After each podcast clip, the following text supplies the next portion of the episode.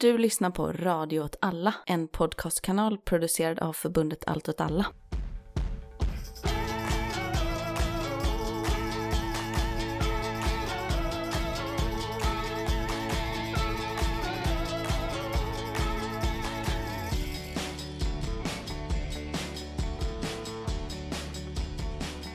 Hej och välkommen till rörelse med mig Martin Hansson.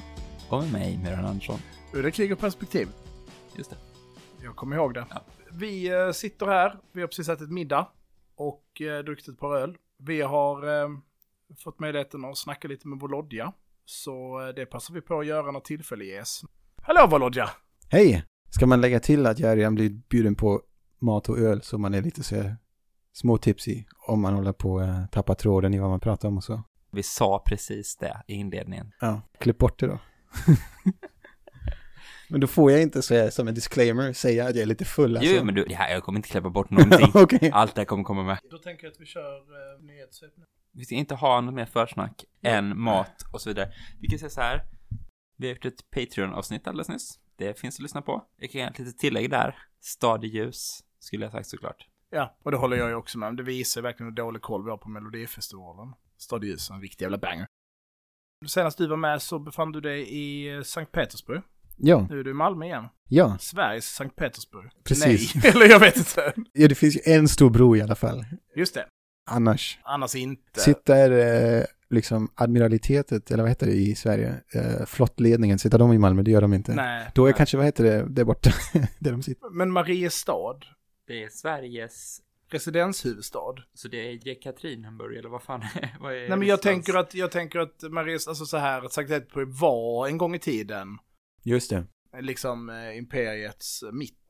Ja, precis. Det är ju tyvärr har ju Stockholm ändå haft den titeln ganska länge, så man har ju inte den här dubbelheten. Sidospår, men det tycker jag är en intressant grej. Jämförelsen Turkiet och Ryssland, det här med den här dubbelheten. Så. Ankara Istanbul. Liksom. Exakt, Ankara Istanbul, och det är bara den ena, Ankara Istanbul, sen de är två städerna, den ena som ligger in i landet, den andra som ligger vid havet, den ena som är mycket större, den andra som är mer sådär Administrativ.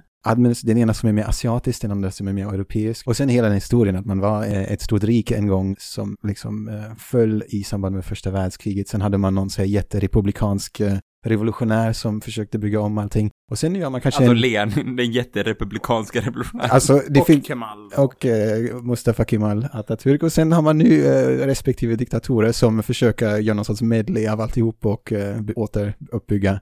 Ja just det, det är verkligen den där kopplingen mellan Erdogan och bara så här, men du borde ju hata kemalisterna, men du försöker samtidigt liksom bära det kemalistiska arvet samtidigt som du är Men jihadist. också ersätta det och också Mm. säga, förklara alla historiska fel som finns i landet genom att, att den här revolutionären eh, ställde till som Putin gjorde det med att Lenin gav eh, Ukraina. Men, eh, Som sagt, det här kan man snurra vidare på, men jag tycker det är intressant, så en, en parallell på europeiska periferin liksom. Det är en sån extrem historiematerialism, liksom att ifall det ser ut på ett sätt 1915 så kommer det se ut på ett identiskt sätt 2020 liksom. Alltså det är bara, man har ingen egen agens i historien utan det är bara så tidigare omständigheter som bara formar och formar och formar. Det gillar vi. Just det. Det har ju hänt en del saker sedan du var här sist. Och veckan har också varit ganska, eller de senaste veckorna har varit ganska intensiva med nyheter. Ska vi dra ett litet nyhetssvep eller? Det tycker jag. Har du någon jingel för det eller? Vi har en jingel för det, vi spelar den nu.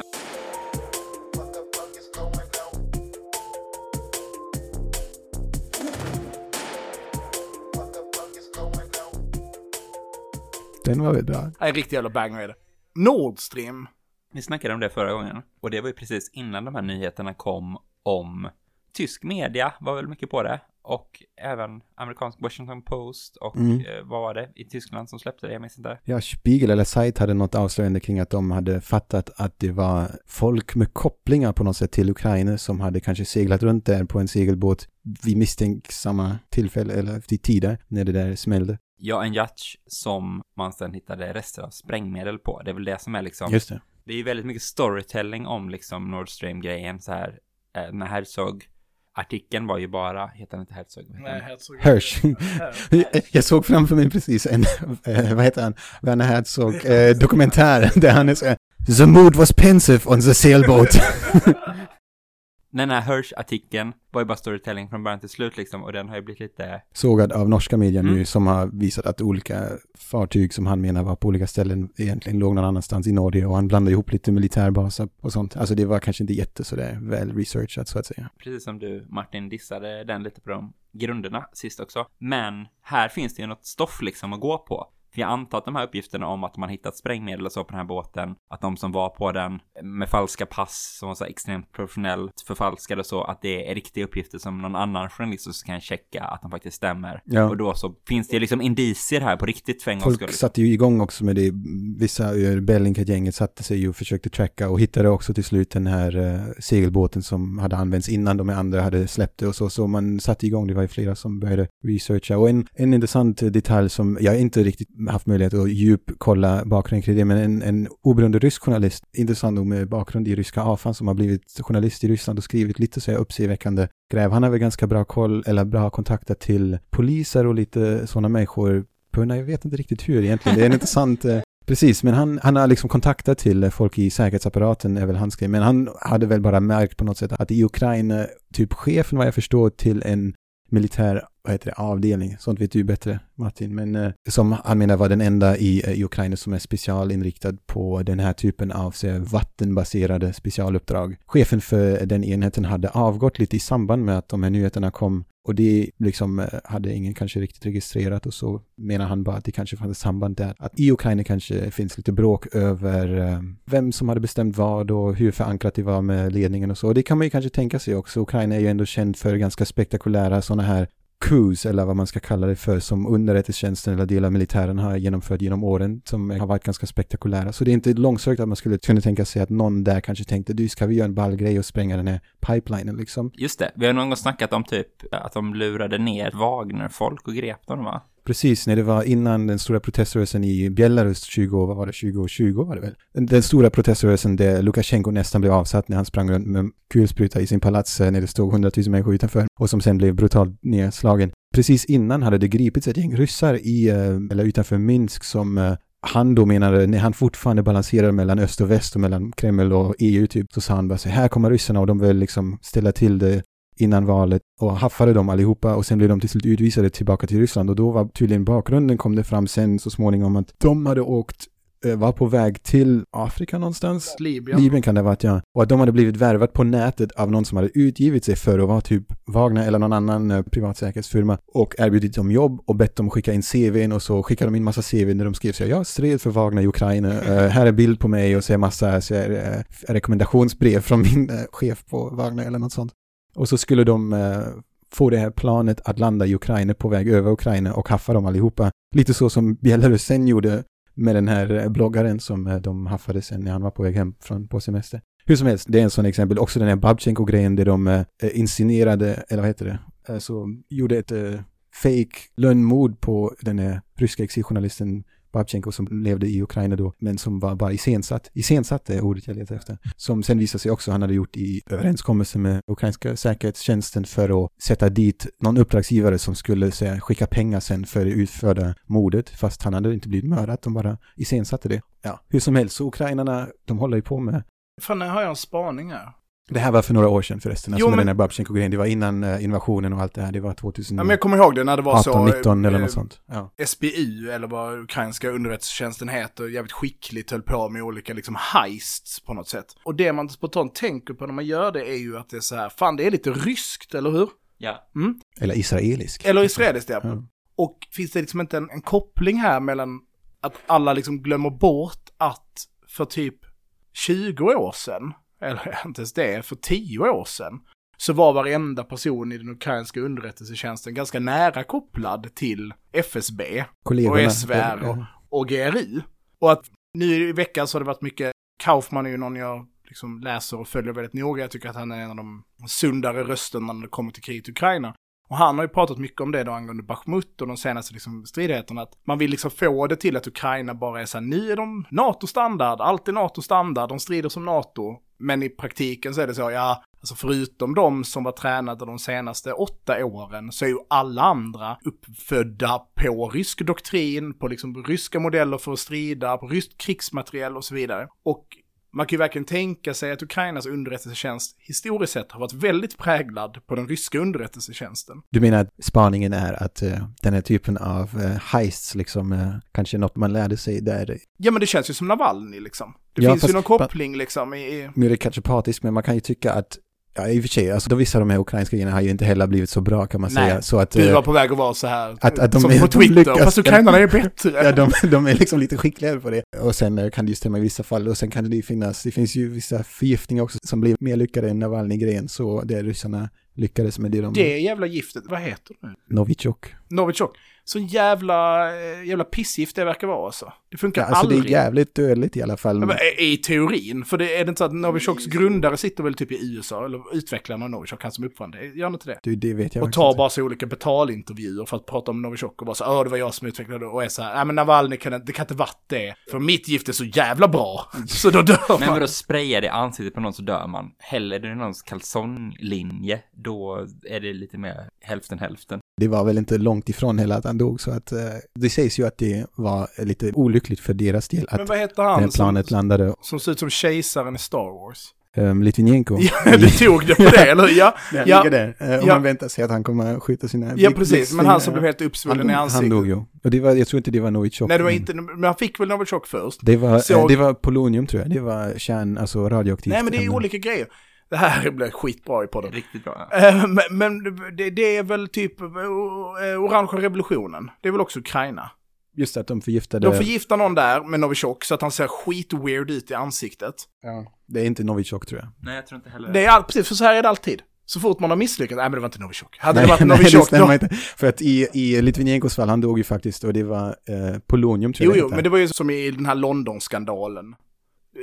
GRU mördade, eller F- Skrip, alltså i Litvinenko, det var ju för massa år sedan eh, och han var ju också förrädare, alltså före detta. Mm. Du ska säga att du gör citationstecken i luften med dina fingrar. Så Nej, du tycker inte att förrädare. den är förrädare. Alltså så. han är väl förrädare rent objektivt sett att han eh, gick över från en underrättelsetjänst och började samarbeta med en annan. Så rent eh, tekniskt sett är han väl förrädare för ryssarna. Det kan man väl ändå medge dem. Eller, jag vet inte om det Ja, men vi, Jo, jo, men bara att citationstecken med fingrarna syns inte i podd. Så att, Fair, fair. Hade, hade vi haft en producent nu så hade vi bett den kolla upp Mo- Novichok-mord. Då måste man väl bara säga då att det kan vara survival bias. Att man tänker på de som överlevde, man får aldrig reda på de Just som det. dog. Det är inte det enda som har hänt. Jo, Nord Stream, vi är inte ens färdiga med det. Okej, är det Ukraina? Tror du det är Ukraina som ligger bakom? Ja, men det är i alla fall tänkbart. Och sen är ju frågan, alltså i de här sådana här Hirsch-texter, alltså den här där man redan från början vet att amerikanerna ligger bakom allt, då är det ju också så jag tänkt att säga, Joe Biden sitter i Vita huset och säger skimar och planerar och bara säger nu spränger vi pipelinen. Verkligheten är ju ofta också så att det finns massa olika nivåer i en så militär hierarki där det är inbyggt att chefen längst upp kanske inte vet allting för att kunna ja, deniability. Exakt, det är ju liksom inte en, en jättekonstig koncept heller om man håller på med lite skumma grejer, att man kanske ger folk lite lägre, längre ner i hierarkin en frihet eller att de tar sig en frihet för kanske av karriärskäl eller så, att de tar initiativ på saker. Det eh, finns ju åtminstone som eh, en tänkbar förklaring. Ja, jag köper inte den alltså. Jag är ledsen att jag behöver vara på dens tanke. Men alltså det, det är väl så. om, om USA har varit inblandad, då har Biden godkänt att det ska hända. För konsekvensen av det skulle i praktiken kunna försätta Ryssland och USA i en krigsliknande situation. Med det sagt, så tror jag absolut att Biden kan ha godkänt. Någon annan vill spränga Nord Stream.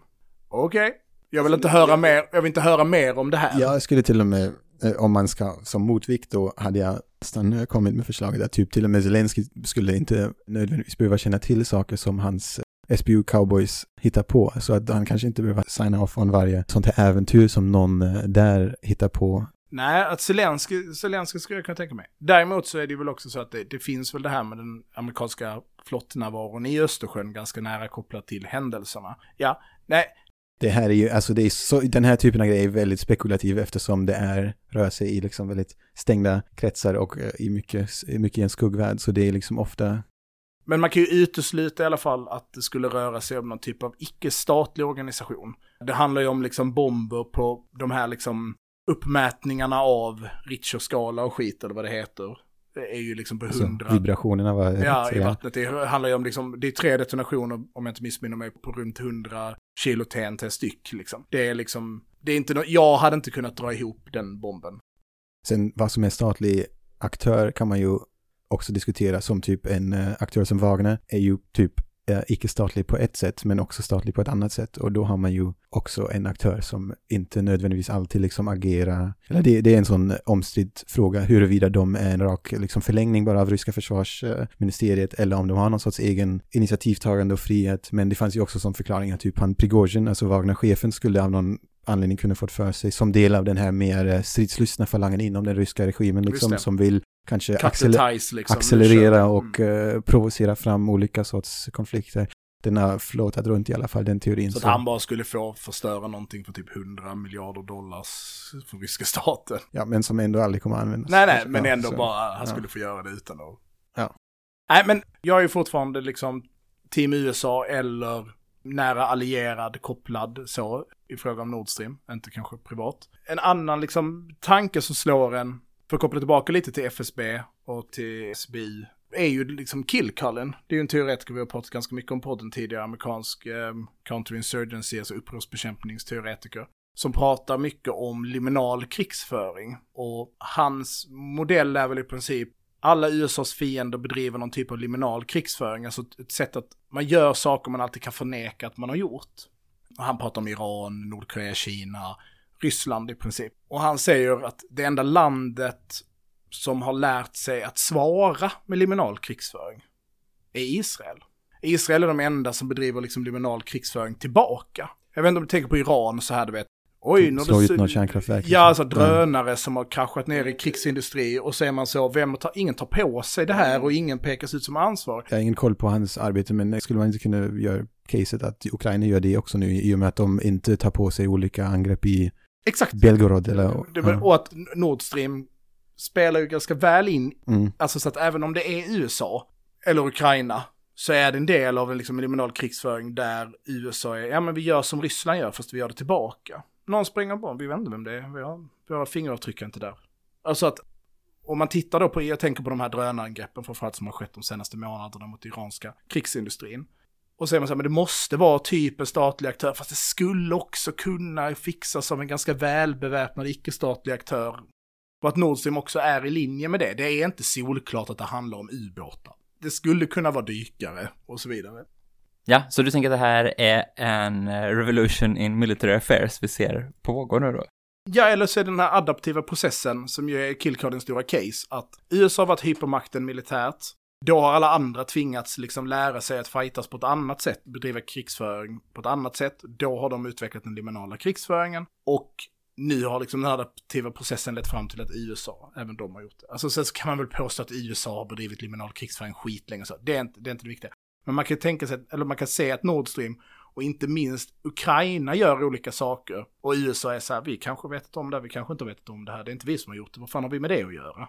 Alltså det är också en position de kan in... Alltså, jag kan inte det här så väl egentligen. Det är lite farligt att spekulera. Just som sagt, den här typen av grej är ju eh, väldigt svårt att uttala sig med säkerhet kring, tänker jag, om man inte är expert eller har bra källor i de här apparaterna. Så det är väl, eh, den disclaimern får man väl ta med sig, eller behöver jag i alla fall liksom lägga till på vad jag tycker om det här. Det behöver inte vi.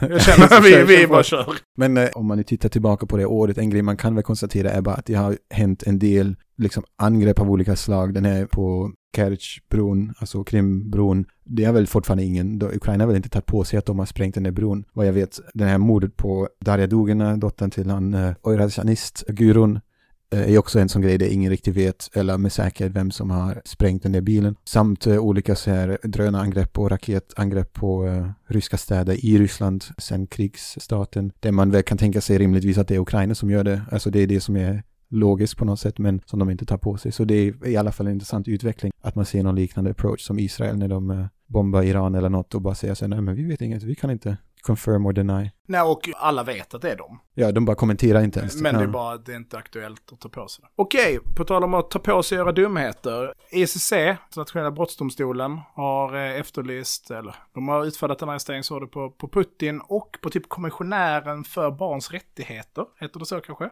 Ja, precis. Kopplat till eh, deportering av ukrainska barn från eh, ukrainskt territorium till Ryssland. Mm. Det känns som att det varit ganska mycket propagandagrejer i Ryssland. Var det någonting du upplevde när du var på plats? Jag såg, eh, alltså det här med att Putin ska till eh, Haag Mm. är ju som en sån slogan för, bland krigsmotståndare. Jag såg, det är ganska kul att jag på tunnelbanan, det man väldigt sällan ser så är politiska klistermärken för att de väl städar bort det direkt och det är supermycket kameraövervakning så det är kanske inte jättesmart heller. Jag såg klistermärken där det stod eh, sådana handritade, var sådana här eh, namnskylt klistermärken där någon för hand skrev på eh, Putin till Haag och satte på dörren i tunnelbanan tyckte jag var ganska ballt gjort. Eh, alltså, det är lite av en risk som man tar för ett ganska radikalt budskap i Ryssland. Den liksom eh, kan man ju lätt hamna i fängelse för eh, utifrån den, eh, den här lagstiftningen om diskreditering och fake news och så vidare kring kriget. Och det klistermärket såg jag samma dag som han uppträdde. Vi, vi kanske ska komma in på det. Jag såg Putin i Moskva. Samma dag som jag såg Putin såg jag det här klistermärket Ja. i eh, tunnelbanan. Så nu kan de känna han, är, han ska liksom bli arresterad. De Det är ett steg närmre folk som satt eh, klistermärket. Har ni koll på internationella brottsdomstolen? Jag vet exempel att den heter Internationella brottmålsdomstolen. Ja, det kan du. Jävla wise ass. Jag, jag vet att USA inte riktigt är med på den, vilket gör det ju lite mindre trovärdigt för Joe Biden att sitta och säga ja, det är jättebra att Putin ska lämnas ut till den. Man skulle tycka att det hade lite mer vikt om hans eget jävla land hade signat upp på det och var så här, men om vi skulle göra krigsbrott skulle vi självklart också kunna skickas dit. Precis, man kan väl säga det så att ICC då, Internationella brottmålsdomstolen, det är fyra typer av brott. Kan ni dem? Någon som kan ta dem? Bara, gäller bara fyra brott? Nej, det kan jag inte, men vi kan bara gissa då. Så brott mot mänskligheten. Absolut. Krigsbrott, är det en separat Absolut. kategori? Ja. Folkmord. Absolut. Den si- sista tar ni aldrig, ni tar aldrig den sista. Det Det- är ändå så här jättekonstigt då. Jag hade aldrig hört det tidigare. Berätta. Aggressionsbrott. Då tänker man att det låter som någon som safe space, eller du har något liksom med safe space, det så här, nu använder du fel pronomen, liksom. Det känns som, nej men aggressionsbrott är typ när man med vapenmakt tvingar ett annan stat att, eller sin stat att utföra vissa typer av handlingar. Jag, jag, jag vet inte riktigt, jag, jag blev inte riktigt klok på vad det handlade om, men så tolkade jag det. USA, precis som vi säger, varken USA, Ryssland eller Sudan har skrivit under eh, rumstadgan. Och några fler länder också. Ja, det är några fler, men det är 123 länder har skrivit under. Ja. Eh, typ hälften, eller nästan alla europeiska länder har skrivit under. Det är några få undantag. Skitsamma, det är liksom ett Europaprojekt. Mm. Så får man säga. Och det, det tror jag man ska vara viktigt för att förstå USAs skepsis. Grejen är så att Clinton skriver under Romstadgan, men USA ratificerar den inte. Men de, han skriver liksom under att så här, men vi ska verka för att vi ska ratificera Romstadgan så det blir en del av vår lag. Det gör han sista månaden som president. Ja, men det går inte igenom i parlamentet sen liksom. Nej, men det som händer är att George Bush kommer till makten. Och sen så startar han sitt eget lilla projekt. Då man inte vill vara med i en internationell brottmålsdomstol. Det här vill jag väl ändå minnas, Mm. jag minns jag ungdom att eh, när USA råkade invadera helt oprovocerat ett en annat land, att det då var snack om att det där skulle man ju kanske kunna hamna framför en domstol för, men eh, som otur var då, eller som tur var för amerikanerna, så var man ju inte med det. Så, eller Bush såg till att man Bush inte kunde... river upp eh, liksom att man har skrivit under Romstadgan. Och man har ju aldrig ratificerat den så den har ju aldrig blivit lag liksom. Den hade ställt till ganska mycket för USA. Att typ att de var tvungna att stänga Guantanamo, de var stänga massa så här fångläger de har utan domstolar liksom. Så runt om i världen. Men Bush försöker liksom också begränsa ICCs inflytande ganska mycket under sin presidentsperiod genom att liksom försöka få FN att gå med på att, eh, ja, men, för att ta ett exempel, att typ att fredsbevarande styrkor skulle undslippa granskning av ICCC om länderna inte var med i ICCC. Så vi var inne och trixade det. Men han slutar liksom, den påverkar ICCC ganska drastiskt 2004. Och det är ju då när Abu Ghraib-fängelsegrejen uppdagas liksom. Då bara typ slutar USA prata om ICCC. Bara, Abu Ghraib menar du? tror jag. Abu Ghraib-fängelset. Förlåt, Abu Dhabi är ett land. Ja. Abu, jag sa Abu Dhabi. sa Abu, jag. det var en, en hybrid mellan eh, landet Abu, Abu, Dhabi Dhabi. är inte ett land. Nej, Abu Nej, Dhabi är en- inte en ett. Fan. Det är en, En- stad. En stad som ingår i eh, ett, ett emirat säkert, va? För att den är del av de förenade arabemiraterna. Så är det nog. Jag, jag ska inte ta gift på det, men Vem har ägt vem nu då? ja, jag, jag har ägt alla tror jag. Men har ni tänkt på att det är konstigt att det är aldrig någon som sjunger I'm blue, Abu du, Abu grime. Det, det har jag inte tänkt på, faktiskt. 2004 slutar eh, Bush ganska mycket prata om ICCC kopplat till att eh, Abu, Grabe. Abu Ghraib-fängelset uppdagas, liksom hela den skandalen. Men då försöker man inte påverka ICCC längre, utan då är man mer säker, vi är bara fiender till ICCC. Och de är ganska mycket fiender, det är ett starkt laddat ord, att vara fiende. Men Det tydligaste exemplet på att USA betraktar sig som var fiende till ICCC, det är det som heter Service Members Protection Act. Eller som det i folkmun heter i USA, Hague Intervention Act. Det är helt enkelt en lag som kongressen driver igenom, mest republikaner men det är ett gäng demokrater som också är på, som ger USAs president alla till buds stående medel att frita personal eller politiker som arbetar för USA, eller ett NATO-land, eller en nära allierad till ett NATO-land, Från Holland. från en internationell domstol.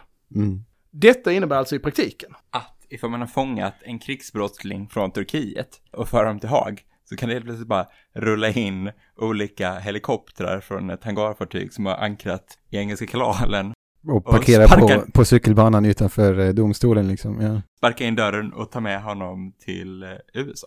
Precis, nu väger man så rullar man sällan in helikoptrar någonstans. Men SEAL Team 6 kan, ehm, Vad fientlig stämning det är lite plötsligt här, vi ska äga varandra på. Tim SEAL 6 kan hoppa ner med haka från helikoptrarna och bara döda alla domare i Haag och bara vara så här, fast vi har följt amerikansk lag. Och liksom ICCC då i relation till stormakterna har ju också varit ganska mycket ett skämt. Det sker liksom en ICCC-utredning kopplat till eh, Rysslands invasion av Georgien. Men den dröjer liksom då, alltså det sker ju 2008, Georgien ratificerar eh, ICCC en del av det, så då har ju liksom ICCC mandat att utföra utredningar där. Men jag tror att det är typ 2022 som ICCC kommer fram till att det är tre sydostossetier som har begått brott. Alltså, innan kriget i Ukraina så förhöll sig ICCC jävligt försiktigt kopplat både till Ryssland och till USA. Det finns en liknande utredning kopplat till Colombia som prioriteras ner väldigt tydligt. Den colombianska staten är ju nära kopplad till USA vid den här tidpunkten och att man liksom bedriver inte utredning, utan det är mest afrikanska länder där ICCC har varit verksamma. Och Jugoslavien. eh, Jugoslavien också, Mm. ja, precis.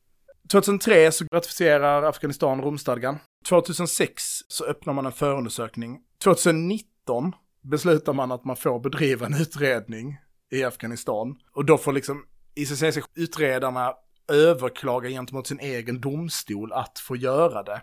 Och USA flippar liksom när ICCC ska påbörja den här utredningen 2019. Och sanktionerar utredarna. Sätter dem liksom under sanktioner. Liksom de får inte använda dollar och handla på amerikanska marknaden och så vidare. Och då är det liksom Trump och vad heter han, Pomeo, som håller på liksom. Och de sätter ut sanktioner och innan dess har de liksom hotat om sanktioner ifall ICCC utreder saker i Afghanistan och Palestina. Ja. Så att det är lite roligt att ICCC har blivit en grej nu igen.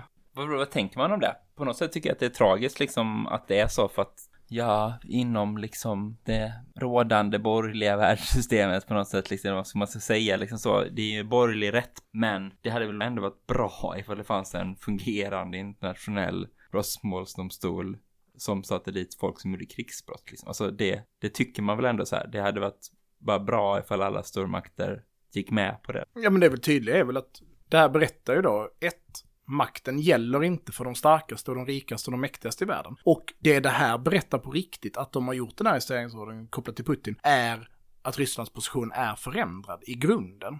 Man är inte rädd för att stöta sig med Ryssland längre. Det låter ju som en konstig take, men det är ju talande att den här typen av utredningar aldrig har skett tidigare kopplade till Ryssland. Och nu slutligen väljer man att göra det, och det finns en anledning till att man aldrig har satt ut en arresteringsorder.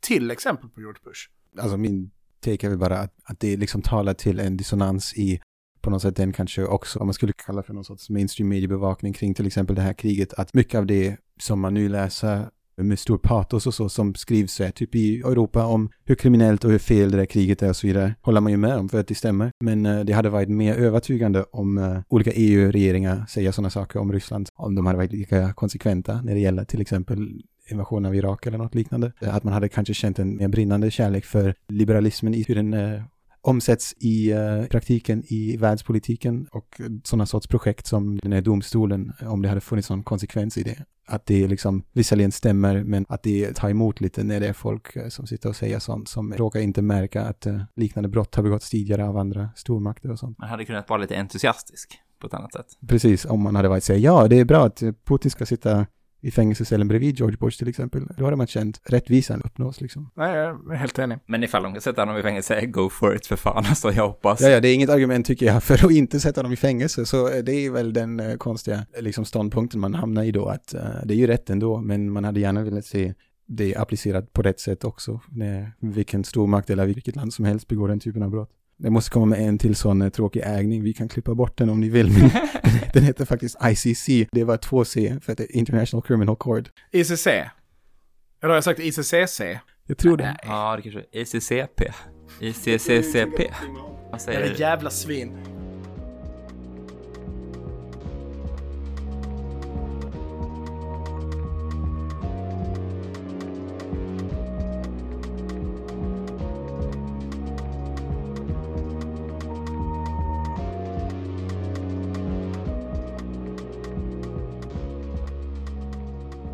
Nyhetssvepet är slut. Vi har dig tillbaka. Du nämnde precis att du har sett Putin. Vi vet också att när vi intervjuade dig när du befann dig i Sankt Petersburg så fanns det vissa saker du tyckte var lite obekväma att prata med under tiden när du befann dig på plats. Kan vi få höra nu tillbaka, du har svensk jord under fötterna. Skånsk, skånsk jord under fötterna. Hur, eh, vad är dina intryck från vistelsen i Ryssland?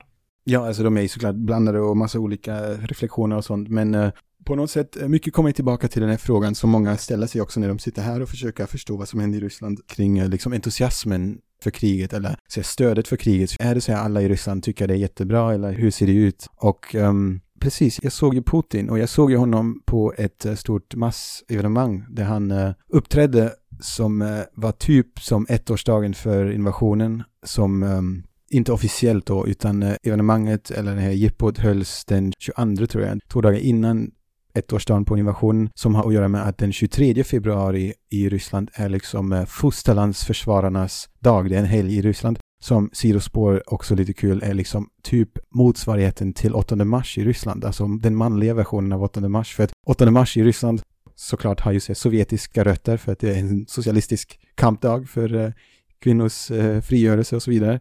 Men i Ryssland har det blivit en super konservativ, liksom normativ dag att fira de vackra kvinnorna och typ diska om man är man eh, en gång om året eh, som någon sorts present. Och då är 23 februari är då eh, mansmotsvarigheten så olika affärer säljer så här strumpor för män och så här tröjor med stridsvagnar på och så här knivar, balla knivar och sånt. Nice. Coolt, ja. Men det är också då fosterlandsförsvararens dag. Det är ursprungligen tror jag att det är när man grundade Röda armén, alltså Trotskij typ för jättelänge sedan och var så här under Sovjet och Röda arméns dag tror jag hette den officiellt eller någon gång bytte man till fosterlandsförsvarets dag. Men nu då när man är ett land i krig då är det ju jättecentralt och så råkade det vara dagen innan man invaderade Ukraina också. Då höll man det här stora jippot på Luzhniki-arenan eh, i Moskva, den stora olympiska arenan. Och då eh, kan man ju tycka att det är ju ett tecken på att man har typ 200 000 eh, åskådare i den här arenan som eh, jublar och viftar med flaggor och hejar på helt sjuk så här, krigspropaganda. Så det är så här, stora skärmar, det är så här, soldater som springer och skjuter och gör armhävningar och Hoppar de genom ringar av eld? Ja men typ, alltså jag ska titta på mina bilder men det är sånt som händer. Så är det så här en soldat som rappar, alltså det är olika musikinslag, det är liksom olika så här, eh, så här typ ryska schlagerartister och så här. Det är som jag säger stor som typ mello fast supernationalistisk och militaristisk. Och sen kommer Putin eh, och håller ett kort tal om eh, hur härligt det är med att försvara fosterlandet och eh, att, det, att det är stora hjältar som strider där vid fronten i specialoperationen som det då ju hette. Jag såg honom där bland alla med människorna, långt borta, en liten, liten människa bland massa annat folk. Hur gick det till? Köpte du en biljett för att gå in på det där? Det eller det- kost, var det gratis eller hur funkar det? Det är det som är intressant och där vi kommer tillbaka till det här med hur genuint det här stödet för det här kriget och regimen i helhet är. För att precis som mycket annat i Ryssland så är det ju inte så att man eh, känner ja, ja, vi har jättemycket folkligt stöd. Så bara vi öppnar dörrarna till den här grejen så kommer det komma jättemånga entusiastiska Putin-väljare som älskar presidenten och älskar specialoperationen som kommer att vifta med flaggor frivilligt, utan man organiserar det ju väldigt, väldigt eh, disciplinerat uppifrån. Så när jag tänkte, ja, men det här låter kul, det här vill jag gå på, då kollade jag och försökte leta efter biljetter, men det går ju inte att hitta för att du går in på sajten på den här arenan och så står det inte ens någonting om det här, det står bara typ 22 februari, kväll, alltså kvällen innan den här helgdagen. Då kommer det vara lite så här trafik, eh, alltså vissa gator kommer vara avspärrade runt omkring, stod det typ. Och så letar man och kollar efter biljetter och det man hittar då på telegram och så att olika uppgifter från oberoende media att de har sett i andra olika hemliga telegramgrupper och VK-grupper, alltså ryska Facebook, att man har liksom approachat olika grupper, alltså då ofta studenter som går på olika statliga universitet, anställda på olika stora, alltså typ tjänstemän eller olika stora här, statliga Myndighet. myndigheter, sådana ställen liksom. Eh, Och så organiseras det att man har sig, okej, vi ska ha hundra pers härifrån som ska åka på det här. Det blir gratis mat, eh, det, bussfärden blir organiserad. Jag åkte till Moskva från Petersburg samma, på nattåget och redan när jag steg av tåget såg man sig små grupper.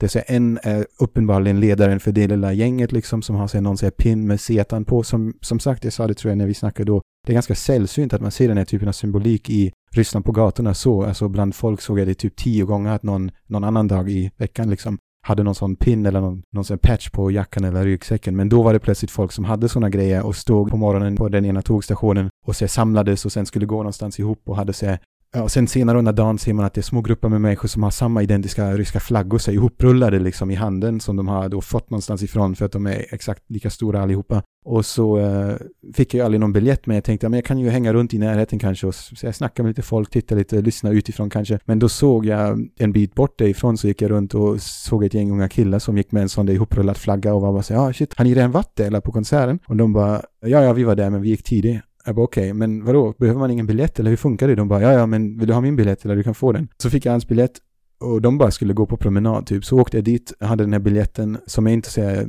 personlig eller något, utan den hade väl fått då från de såg ut som studenter skulle jag gissa, så kanske från någon där på universitetet. Och så kom jag till eh, arenan och då var det bara massvis av folk som gick därifrån som jag behövde liksom gå emot i strömmen, alltså säga tusentals människor. Jag bara fattade inte, jag tänkte är det redan förbi eller vad? Men det är bara folk som går tidigt för att de typ skiter i det där egentligen. Och så kommer du till slut fram och då är Putin inte ens uppträdd som man tänker sig, okej okay, men det är lite kul att se presidenten typ. Om man inte tycker om den här musiken, alltså den här armérapparen var ganska kass kan jag säga. Jag såg honom sen på tv, jag såg inte honom live, men... Uh... Man tänker så har de sett Putin så kanske de drar sen, för då har vi ju sett... Ja, när man har sett president, då kanske har man säger, ah, ja, coolt, jag såg presidenten, men de gick därifrån redan tidigt. Men så kom jag i alla fall fram dit och han jag precis till hans uppträdande. Och så är det fortfarande jättemycket folk kvar. Det var lite tomma läktare längre upp i arenan, men det var ju fortfarande alltså tiotusentals människor definitivt. Så det är väldigt mycket folk och de viftar sina flaggor och så jublar och sånt. Det är stort så jippo. Sen utanför också så det är lite som Disneyland också, att man har så det är massa gratis mat, så lite så militärmässigt, sådana stora fältkök som serverar gratis mat. Det är olika människor som är utklädda till soldater, inte bara sovjetiska, intressant nog, utan också se från tsarperioden, alltså lite sån live Reenact. Reenactment-stämning liksom som är utklädda.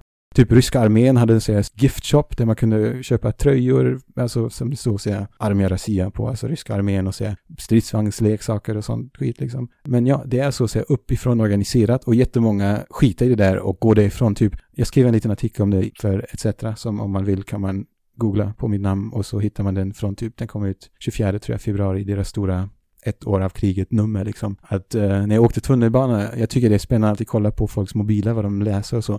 Då bara stod jag bakom en kille som satt liksom precis bredvid, alltså satt liksom så jag kunde se uppifrån vad han skrev. Och då hade han skrivit, hade han skickat till en polare, så här, selfie från, han är bara så här, jag är på den här, alltså den kallas för en manifestation konsert, är typ det officiella beteckningen. Han är bara så här, jag är på manifestationen. Och hans polare bara svarar med så här cringe emojis. så jag uppenbarligen tycker att det är super eh, löjligt. Men så skriver killen i tunnelbanan skriver och säger ja men jag rymde tidigt så jag sticker till centrum nu ska träffa min andra kompis typ.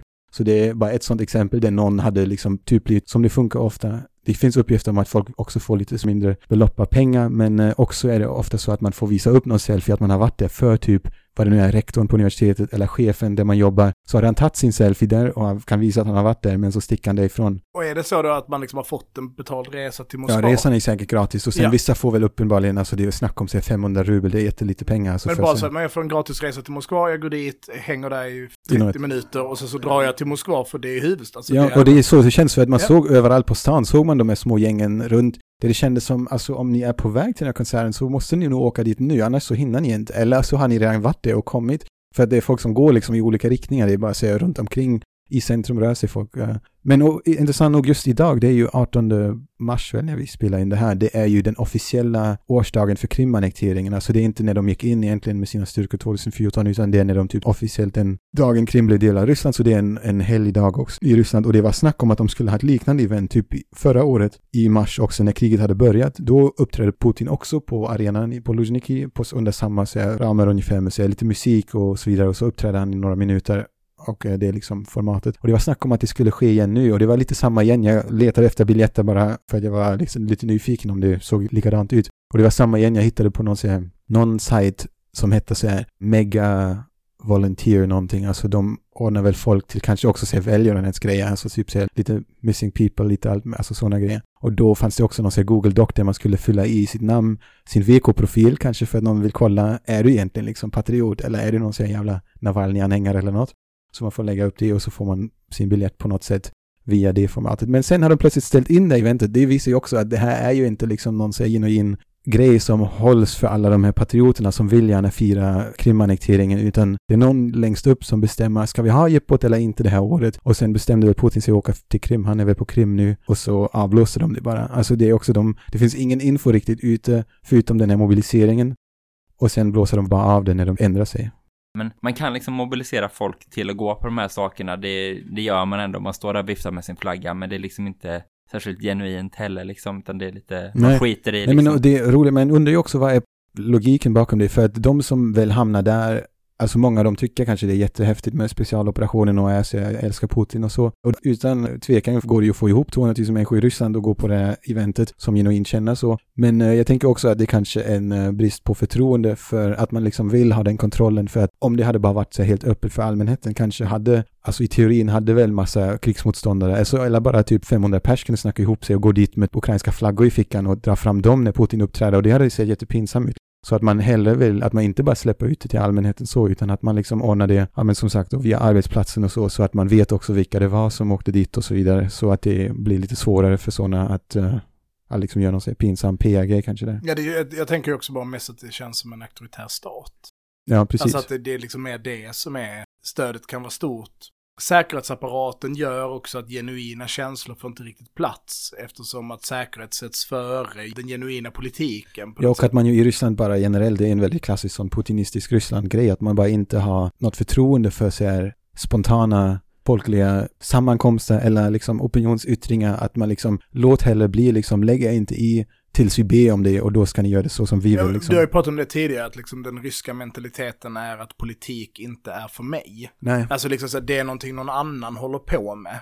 Ja. Um, och att, jag vet att du har pratat om det kopplat till Navalny och så, det är ju så länge sedan. Men att... Ja, det är smutsigt med politik, ja, det ska man lägga in, inte i, det är bara konstiga människor som lägger sig i sånt, det är liksom... Makten gör någonting makten gör. Ja, och liksom. liksom man kan ändå inte påverka det och man blir alltid bara någon snuttig idiot. Typ, jag har liksom lite avlägsna släktingar i Moskva som jag träffade och gick på middag hos.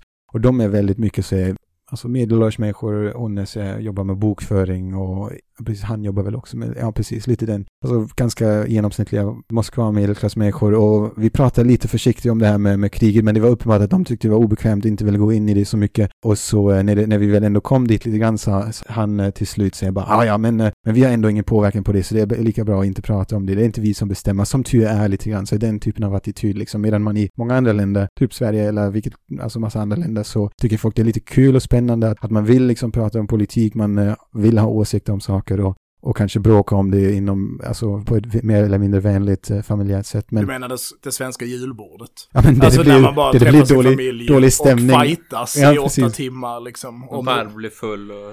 ja, om, om huruvida vi ska döda alla araber. men typ att det ändå, är det är ju i massa andra samhällen är det normalt att man har politiska åsikter och försvarar dem och liksom står upp för dem. Eh. Men eh, att det är en sån putinistiska Ryssland-grejen, att det är liksom någonting som man har lyckats med i Ryssland är det här med att man eh, avmobiliserar befolkningen och atomiserar befolkningen, att liksom lägga inte i, ha bara inte några åsikter helst, liksom vi sköter det. Men och det blir ju någon sorts problem sen också när man faktiskt måste mobilisera befolkningen för ett krig och egentligen kanske skulle vilja att det fanns lite entusiasm för det. Alltså det är en sån schizofreni som jag tycker är väldigt intressant i Ryssland som eh, är svår prognostiserat hur sånt spelar ut sig sen innan kriget började när det var så här, kommer det bli krig eller inte? Då var det ju en sån diskussionspunkt också, men hur kommer befolkningen reagera? Alltså det är en sak att bomba Tjetjenien typ, eller Georgien, men nu är det typ, alltså ukrainarna, de är så lika och man har massa släkter. Kommer folk acceptera det? Alltså det var en sån stor diskussion och uh, precis, och sen när det väl satt igång och nu när det gått ett år så pågår ju de diskussionerna fortfarande där vissa säger, men ja, här finns den här uh, vad heter det, opinionsundersökning där folk svarar så här, den här säger någonting annat. Många sociologer säger att de är helt opolitliga för att de flesta människor inte svarar, dels på grund av den här eh, att man är så... Um, Distanserad till politik. Precis, och tycker det är en sån obekväm, eh, liksom, ett sånt ämne som man bara inte vill eh, liksom, yttra någon åsikt omkring. Dessutom att det är nu uh, straffbart på många sätt att ha fel åsikter, liksom, och att man inte litar på att någon random person som ringer en i telefon och fråga vad tycker du om kriget? Att man liksom bara säger, ja men jag tycker den här olagliga åsikten liksom som jag kan hamna i fängelse för. Men att det blir ju liksom väldigt motsägelsefullt sen när man också samtidigt på något sätt försöker att bygga upp folklig opinion för det här kriget och rättfärdiga varför ens söner eller liksom bröder ska åka till kriget och strida. Jag håller ju med dem som säger att hur stor nu den andelen av befolkningen är som tycker att det är rätt och som liksom stöttar regimens linje och liksom eh, kriget och så vidare, att det är ganska så, en sån ganska så, ett ambivalent stöd som också kan lösa upp sig ganska snabbt. Det är ändå en sån lärdom från många sådana här auktoritära regimer när de faller, att man alla trodde att det var jättestabilt tills det plötsligt bara löste upp sig i luften liksom. Alltså det är bara Sovjet eller så DDR eller massa sådana regimer var så ingen trodde att det var möjligt tills det plötsligt bara den här grejen har bara släppt och alla bara ja men eh, precis vi, det är inte så himla skönt. Vi går vidare nu liksom och det kan vi lika gärna tänka sig med. Ja, för den andra sidan är väl att du då inte kan mobilisera befolkningen till stöd för din auktoritära regim heller. För Exakt. du kan inte mobilisera befolkningen till ett skit. Nej, jag har skrivit en annan text som kommer ut på Aftonbladet faktiskt om någon vecka eller så. En lite kortare Big text. League. Ja,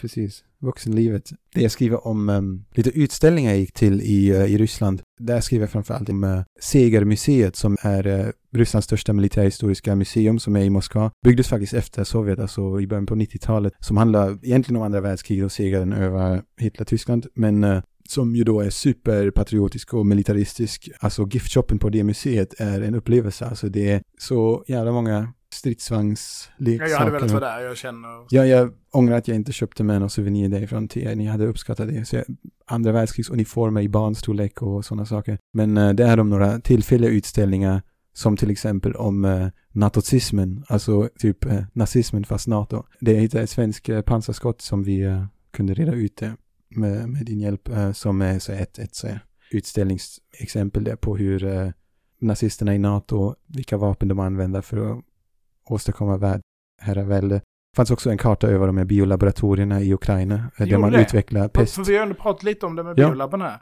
Det ingick alltså? Det ingick det. Jag tyckte det var roligt att man höll vid den till eh, fortfarande, ja. Och eh, på de biolabben utvecklade då amerikanerna i Ukraina. Det var lite alla möjliga Pest var det. Ja, det, de hade en lång lista av olika sjukdomar som de höll på att utveckla där i militärt syfte. Den typen av propaganda finns ju, men så verkar också mottagandet av besökarna vara lite sådär reserverat skulle jag säga. Alltså... Ja. Jag har ju varit på um, USAs motsvarighet, alltså deras nationella andra världskriget museum i New Orleans. Det handlade inte jättemycket om moderna saker då. Det var nästan bara andra världskriget.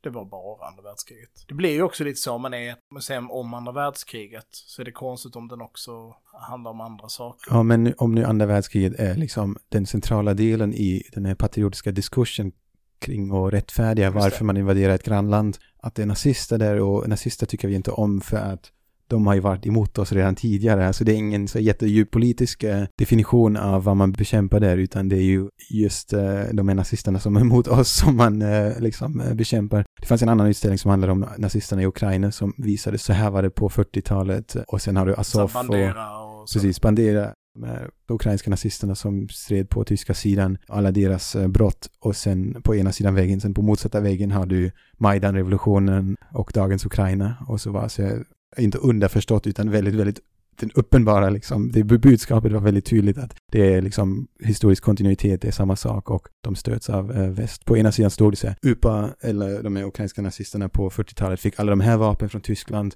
och sen idag har de fått alla de här vapnen av eh, NATO och EU och så vidare. Men hur mycket handlar det om antisemitism då? Ja, inte så jättemycket. Det förekommer inte så mycket inte i den här nazistutställningen. Jag var på en annan utställning som också är en tillfälle just nu som faktiskt hålla sig rätt så mycket till andra världskriget men det man ändå hela tiden märker att ni pratar ju om Ukraina-kriget när ni pratar om andra världskriget här. Så det handlade om eh, folkets liksom hjältedåd i det gemensamma försvaret. Alltså det var egentligen lite mer fokuserat, inte på det militära utan på hemmafronten liksom. Och eh, det var så extremt mytologiserande att liksom när man evakuerade de här eh, fabrikerna så kunde folk lyfta 500 kilo plötsligt. Alltså det var lite så här skrattretande. Och allting var så super immersive och tredimensionellt. Det var så skådespelare där. Det var som på Disneyland på riktigt. Det var liksom i en del så var det som man var i en en rysk by som blev eh, tagen av Wehrmacht så var det så här, alltså så här, tredimensionella modeller, alltså ett så här, sönderbombat hus och så här, en stridsvagn. Och sen på väggen projiceras det en film som verkar, alltså jag vet inte om det är en, en riktig film som redan finns eller om den filmades för det här museet för att det är liksom välproducerat, en massa tyska Wehrmachtssoldater som springer runt i bakgrunden. Ett sånt diorama så att det känns väldigt tredimensionellt. Och sen kommer det plötsligt en partisan som är då en skådespelare som säger stoppa exkursionen och jag säger stopp, stopp, visa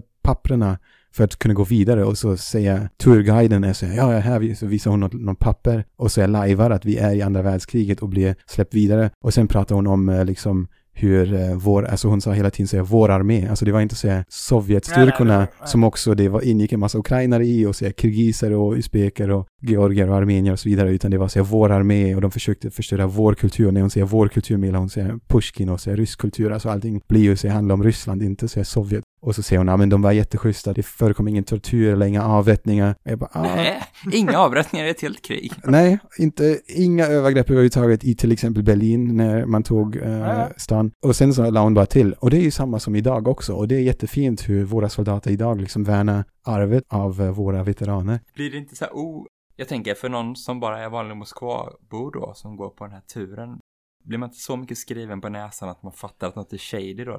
Ja, det är ju såklart frågan. Jag gjorde ingen opinionsundersökning bland deltagarna, men eh, några stycken verkar rätt entusiastiska. Alltså typ, det var en, en gammal tant med ett barn som kanske var hennes barnbarn då, antar jag, en liten eh, pojke. Och så var vi i en del av utställningen där det var så här, en efterskapad så här, eh, försvars... Um, vad heter det, alltså en vapenfabrik under andra världskriget. Det så här, turguiden berättar, ja men och då var det så här, barn gick dit för att kunna jobba fast man inte fick det om man var under 14, men de ljög för att kunna producera gevär och vapen eh, för fronten för att de var så patriotiska och så. Och så har de liksom en replika kulspruta som ligger där och det är också så här, en, så här, en film som projiceras i bakgrunden så det ser ut som att kulsprutan ligga på ett långt bord och i bakgrunden ser man massa folk som i realtid, alltså i färg, i film liksom jobbar på de här vapnen med ljud och allting så man är liksom i den här fabriken. Och så säger hon så här, ja men du kan plocka upp gevär så går den lilla pojken fram, plockar upp geväret och hon bara, ja men det var pojkar som i din ålder. Men när geväret i verkligheten var ännu tyngre, det här är liksom en replika som inte är lika tung som i verkligheten. Och han, han och hans mormor eller farmor eller vad det nu var tyckte det var häftigt och tyckte väl upplevelsen var spännande. Men då vi kommer komma till antisemitism-grejen, det var också faktiskt en del om Auschwitz, om hur Röda armén befriade Auschwitz.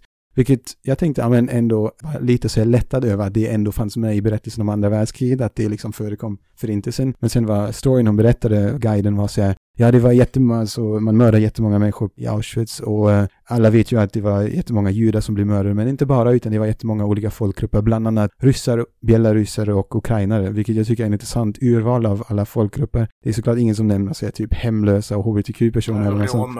Ja, eller ja, kommunister eller så politiska motståndare eller vad det var. Men eh, hon nämnde just de tre som ju ingår i den här putinistiska synen också om de här tre folken som egentligen är liksom ett folk av lite olika slag. Att ukrainare, belarusier och ryssar är liksom de här tre bröderfolken som hör ihop liksom. Att de tre just nämndes utöver judarna som blev mördade på Auschwitz tyckte jag var en lite intressant, ett intressant grepp. Ja. Och sen eh, i slutet stod man i, vid Reichstag i Berlin, alltså replika Reichstag.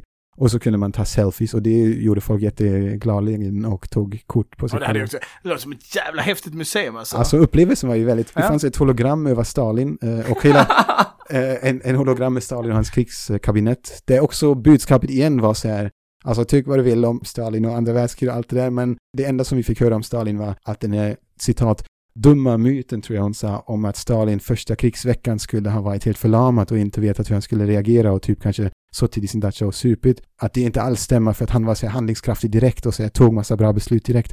Tänker jag också säga, ja men intressant vikt att lägga att ledaren längst upp visserligen vet exakt vad han gör och man ska lita på honom och inte tro på dumma rykten om att, eh, att kriget kanske inte gick så bra där i början och att, eh, att man kanske ifrågasätter liksom visdomen bland, eh, hos ledningen, tycker jag också. Så här, man undrar så här, liksom, hur, vem, vem valde ju liksom just det fokuset i en utsändning om andra världskriget? Men då, och då var det också en skådespelare som var utklädd till så här, Stalins sekreterare och var så här, Hej kamrater, kom närmare men var tysta så ni inte stör kabinettets liksom överläggningar eller vad heter det, möten och så kunde man så här, typ kliva in i ett rum där Stalin stod och satt och Molotov och, och, och Mikojan eller några satt där och hade ett möte om krigsförloppet liksom. Ja, och sen längst upp i fanns en utställning som var bara om, om det här kriget nu i Ukraina där man också har den här schizofrenin där liksom man, man jämställer väldigt aktivt liksom soldaterna som strider i Ukraina nu, alltså dagens ryska armé, med andra världskrigsveteraner. Man hade så touchscreen displayer där man alltid visade två ansikten, ett av en eh, så veteran från andra världskriget och en eh, soldat från dagens krig. Och de hade till och med matchat dem så att typ en så flintskallig sattes liksom mitt emot en så flintskallig nu och en så kvinna med mörk hår från andra världskriget var på samma sida som en kvinna med mörk hår som är någon sorts soldat eller något i kriget nu. Och så stod det över eh, ansikten alltid stod det på ena stod det... Flintis. nej, det stod, det stod på ena sidan stod det alltid VOV, vilket är förkortningen för Stora Fosterländska kriget på Ryssland, alltså andra världskriget. Och på andra stod det SVO, alltså speciella mil militäroperationen. Så på något sätt, militäroperationen får man inte kalla för ett krig. Det är bara en jätteliten speciell, speciell äh, militäroperation som kommer gå över jättefort. Men den är också i paritet Men den är exakt lika storslagen ja. som det här andra världskriget, där vi stred för vår över överlevnad liksom. Det är ändå spännande för det finns ju många länder där andra världskriget är en väldigt central bit i berättelsen om deras, framförallt deras försvarsmakt. Alltså jag tänker England till exempel lägger ju jättestor vikt vid mm. både första världskriget och andra världskriget. Men typ länder som Australien, där framförallt andra världskriget var ju en betydligt mer levande krig eftersom att hotet från Japan och så. De släppte ju inte in sina Vietnamveteraner i sin veteranstruktur. Mm. För att liksom... Den var till för de som hade gjort något bra på riktigt. Ja, liksom. men liksom, liksom det där är inget, ni har inte varit i ett krig. Det där är liksom Men det är lite riktigt, samma i liksom. Ryssland också, att typ se Afghanistan-kriget, alltså de veteranerna som ju fortfarande lever och har sig men och liksom på riktigt skulle kanske må bra av någon sorts samhällelig eh, liksom stöd för alla jävla trauman de tog med sig från det här misslyckade äventyret i Afghanistan. Liksom, de är Rysslands väldigt... Vietnam. Precis, de är väldigt sällan med i den här mytologin. Eh, alltså typ när du går på bastu i, i Ryssland så, eller vilken annan grej som helst, museer eller allt möjligt, typ åka tunnelbana så står det alltid så här, folk som får rabatt eller får vara, åka gratis. Så är alltid andra världskrigsdeltagare så står det ofta i parentes, de som deltog i väpnade strider, alltså inte vem som helst utan de som var typ i Stalingrad eller något. För det är inte alla i Ryssland. det är inte alla som det är, typ på något sätt deltog ju alla i andra världskriget. Men alltså det är ingen heller som lever längre, de typ. De är döda i princip allihopa nu. Men Afghanistan-veteranerna ingår inte. Nej, inte nödvändigtvis alltid. Men Tjetjenien-veteranerna? Alltså, alltså de blir i alla fall inte nämnda separat. Det står ofta, ibland det står vad säger veteraner och så vet jag inte hur det funkar i praktiken om man har någon veteranpass typ som man kan visa upp som man också fått om man var i Tjetjenien eller Afghanistan. Men ofta står det ju specifikt så andra världskriget står nämnt också. Vilket är en ganska så billig grej att bjuda på också när det inte finns någon som, alltså vem går på bastu idag om det varit i slaget om Stalingrad eller Berlin liksom, hur Nej. gammal är det då? Hur ofta händer det att man måste bjuda på en gratis inträde liksom till en sån person idag? Men det är ganska häftigt och patriotiskt att skriva det på sin... Det är billigt, det är jävligt billigt. Ja. Nej men jag tänker att det är dubbelt liksom, både att om man erkänner den där typen av begränsade krig eller då stabiliseringsaktioner eller vad det är man kallar Vietnam, eller också Miss, misslyckade... Eller misslyckade krig liksom om man kallar dem för krig, med det kommer det ju massa andra saker. Också att man kan förlora ett krig faktiskt. Ja. Alltså det är grejen med andra världskriget också, att man faktiskt vann på riktigt och extremt tydligt liksom väldigt... Eh... Ja, det är verkligen ett av de där... Och, och det är... Också... Oj, här är det ingen fråga om vem som vann eller förlorade Nej, det, är inte så det är någon diskussion som man kan ha. Eh, lyckades man i Afghanistan lite grann kanske ändå, men det gjorde man ju inte. Men i andra världskriget gjorde man verkligen det. Och det är ingen slump heller att den är, det är en sån slogan som återkommer ofta är ju eh, Motion Paftarich, alltså vi kan göra det igen, som alla fattar refererar till då andra världskriget. Ofta är det i kombination med säga hela vägen till Berlin eller sådana grejer typ. Eller säga tack eh, farfar eller morfar för segern, en sån, ett sånt slagord också. Och då säger det vi kan upprepa det, vi kan göra det igen. Och då menar man alltså segern mot Ja, men det är också lite lustigt att man nästan framställer som att man stred mot hela världen. Alltså intressant nog i den här andra världskrigsutställningen att man också lyfter fram inte bara tyskarna utan att det var så här spanska frivilliga, ungare och olika så rumäner och så som stred också. Lite grann som att man försöker förmedla någonting om att man inte bara vann mot, eh, mot ett land som hade ballat ur i någon så här fascistisk eh, psykos liksom, utan att det var någon sorts stor internationell sammansvärjning mot Ryssland då i den här korkade historieförfalskningen liksom, där det inte handlar om att massa folk på Sovjetsidan tillsammans med amerikaner och britter och allt möjligt så stred mot Nazityskland utan att det var så Ryssland och kanske så de är slaviska folken.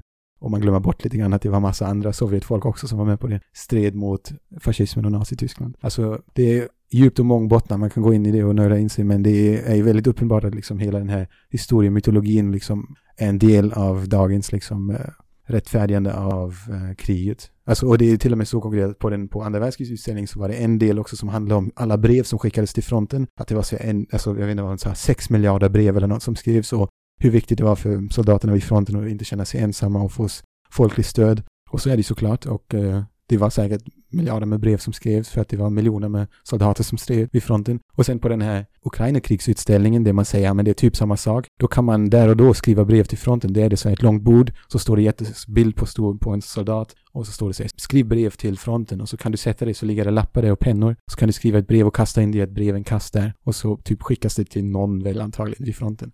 Men det är ändå det är inte ett krig, men det finns en front. Mm, Ja, just det. Specialoperation med front. Det är lite ovanligt kan man tycka. Mm, ja, det där finns väl också en lång historia och tradition av det här med de här slumpmässiga breven. Ja, det kanske finns. Ja, en- men det gör det. Ja, Så, alltså, framförallt från kvinnor. Just det, att kvinnor skulle skriva liksom uppmuntrande brev. till random män liksom. ja, som- med gärna med en bild på sig själv eller parfym Ja. på brevet. Och så. Alltså det var liksom ett sätt att påminna om hemma igen. Mm.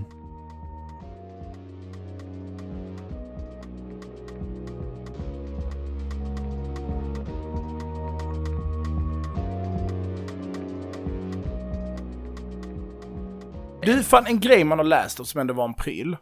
Är ju det här med att olika ryska uh, unga män har åttabenta spindlar. Tolvbenta. Förlåt. Uff, och det retar ju dig såklart Ja, som ja, eh, det- insektsexpert. Att du bara, vad fan är Oh, det? vänta, vänta nu. Insektsexpert. Du vet du inte ett skit om spindlar? Spindlar är inte insekter. Ursäkta, jag blir Spindeldjur. Spindeldjur. Men fel antal ben. Ja, på de ska ha åtta ben. Mm, Men de har tolv. Vad är grejen?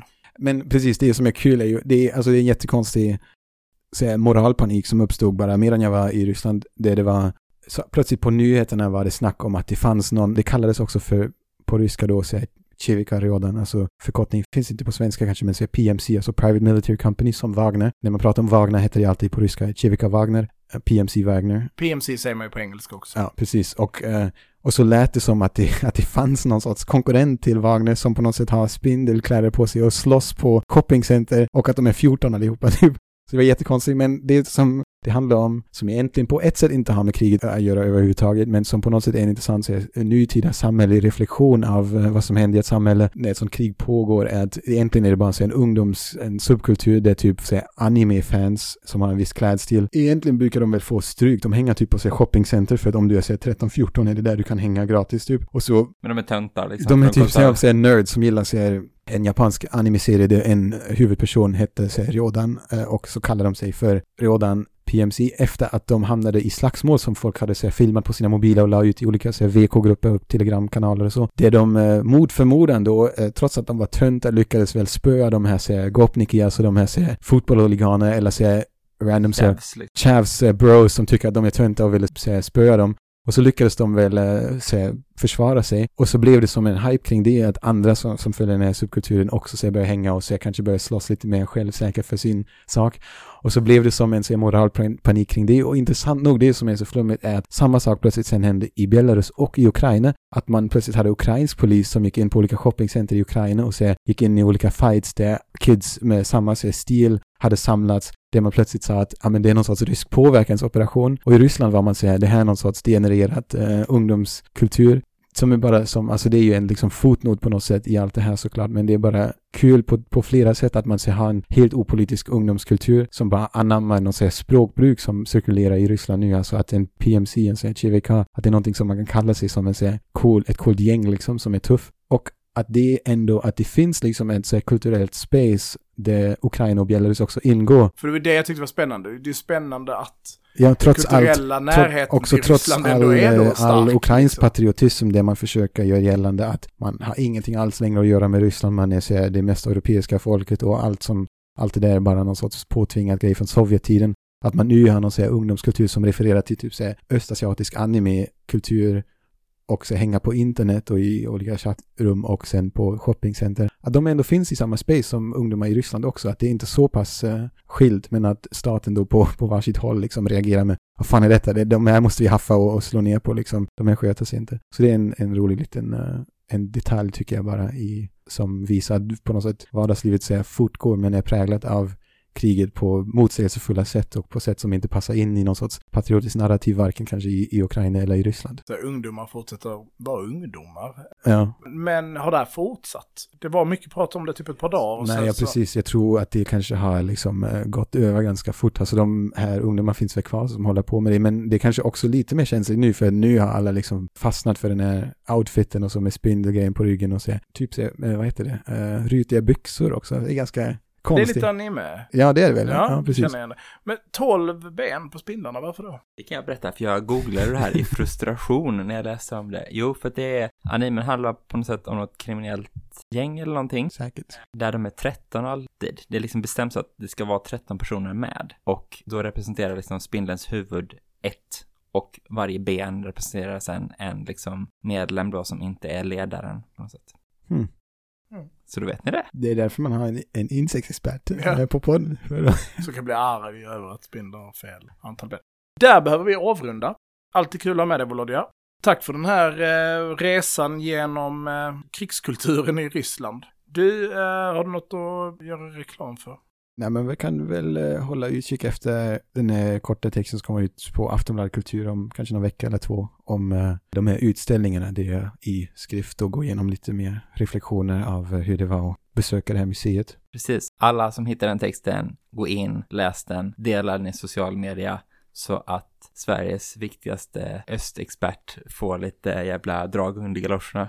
Precis, öppna alla webbla, olika webbläsare du har installerat på datorn. Klicka på den, liksom dra upp, bumpa, klick. Och skicka passionerade insändare om att det var den bästa texten man någonsin läst i, på Aftonbladet. Egentligen skulle jag aldrig läsa Aftonhoran, men just den här Ja, texten jag har börjat gjorde... prenumerera nu. Ja, för det är det ju vände mig. Jättekul att ha med dig. Man kan följa oss på sociala medier. Det heter jag Trojkan3037. Det är alltså Twitter jag pratar om nu. Jag säger att du håller på få stroke av det. Man kan följa mig på Twitter. Det heter jag Trojkan3037. Du heter ett slukhål och du heter Volodja Wagner på Twitter med enkel V. Två enkel V. Ja, två enkel V, ja, just det. Man kan följa oss på Facebook, där heter vi Eld och rörelse. Man kan följa oss på Instagram, där heter vi eld. och punkt rörelse. Bra, rätt. Ja, jag är klar. Tack så mycket för att ni har lyssnat. Ha det bra! Hej då! Man, måste, man får inte börja. Du måste säga hej då. Hej då. Tack för ölen.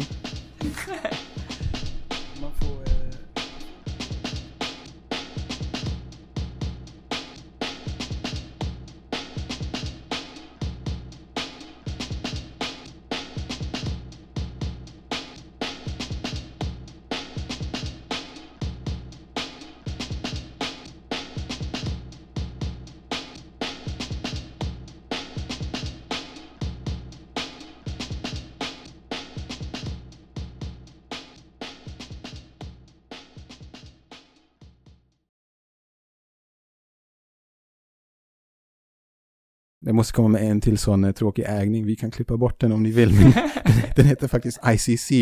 Eh, det var två C för att det är International Criminal Court. Du hade ett C för mycket i... ICC har jag väl sagt. Begränsa ICCs inflytande ganska mycket under sin granskning av ICCC. Påverka ICCC. ICC. Eller har jag sagt ICCC? Jag tror det. Jag, jag tror att du minns fel. Jag tror att han har sagt det. Prata om ICCC. Ganska mycket prata om ICCC. Påverka ICCC längre. Vi är bara fiender till ICCC. Fiender till ICCC. Ja, det kanske är ICCP. Jag tror du tänker på ICCP. klimatgrejen som är, har jävligt många C i sin förkortning. Nej, den har bara två också. Ja, den har jävligt många C. Men det är bara att man Det är säger... jävla svin. Ehm, Men det är två. Ja, det är inte en. Nej, men det är två ICC också. Vi, får, vi, vi kollar vi kollar upp det. Vi kollar upp det. Ehm, vi... ehm, Nog om det kanske. Ja. ICCC då i relation till stormakterna. Det sker liksom en ICCC-utredning. Som ICCC kommer fram till att det är tre sydostossetier där Georgien ratificerar ICCC en del av det, så då har ju liksom ICCC mandat. Så förhöll sig ICCC där ICCC har varit verksamma. ICCC när ICCC ska ICCC utreder Det är lite roligt att ICCC har blivit en grej nu igen.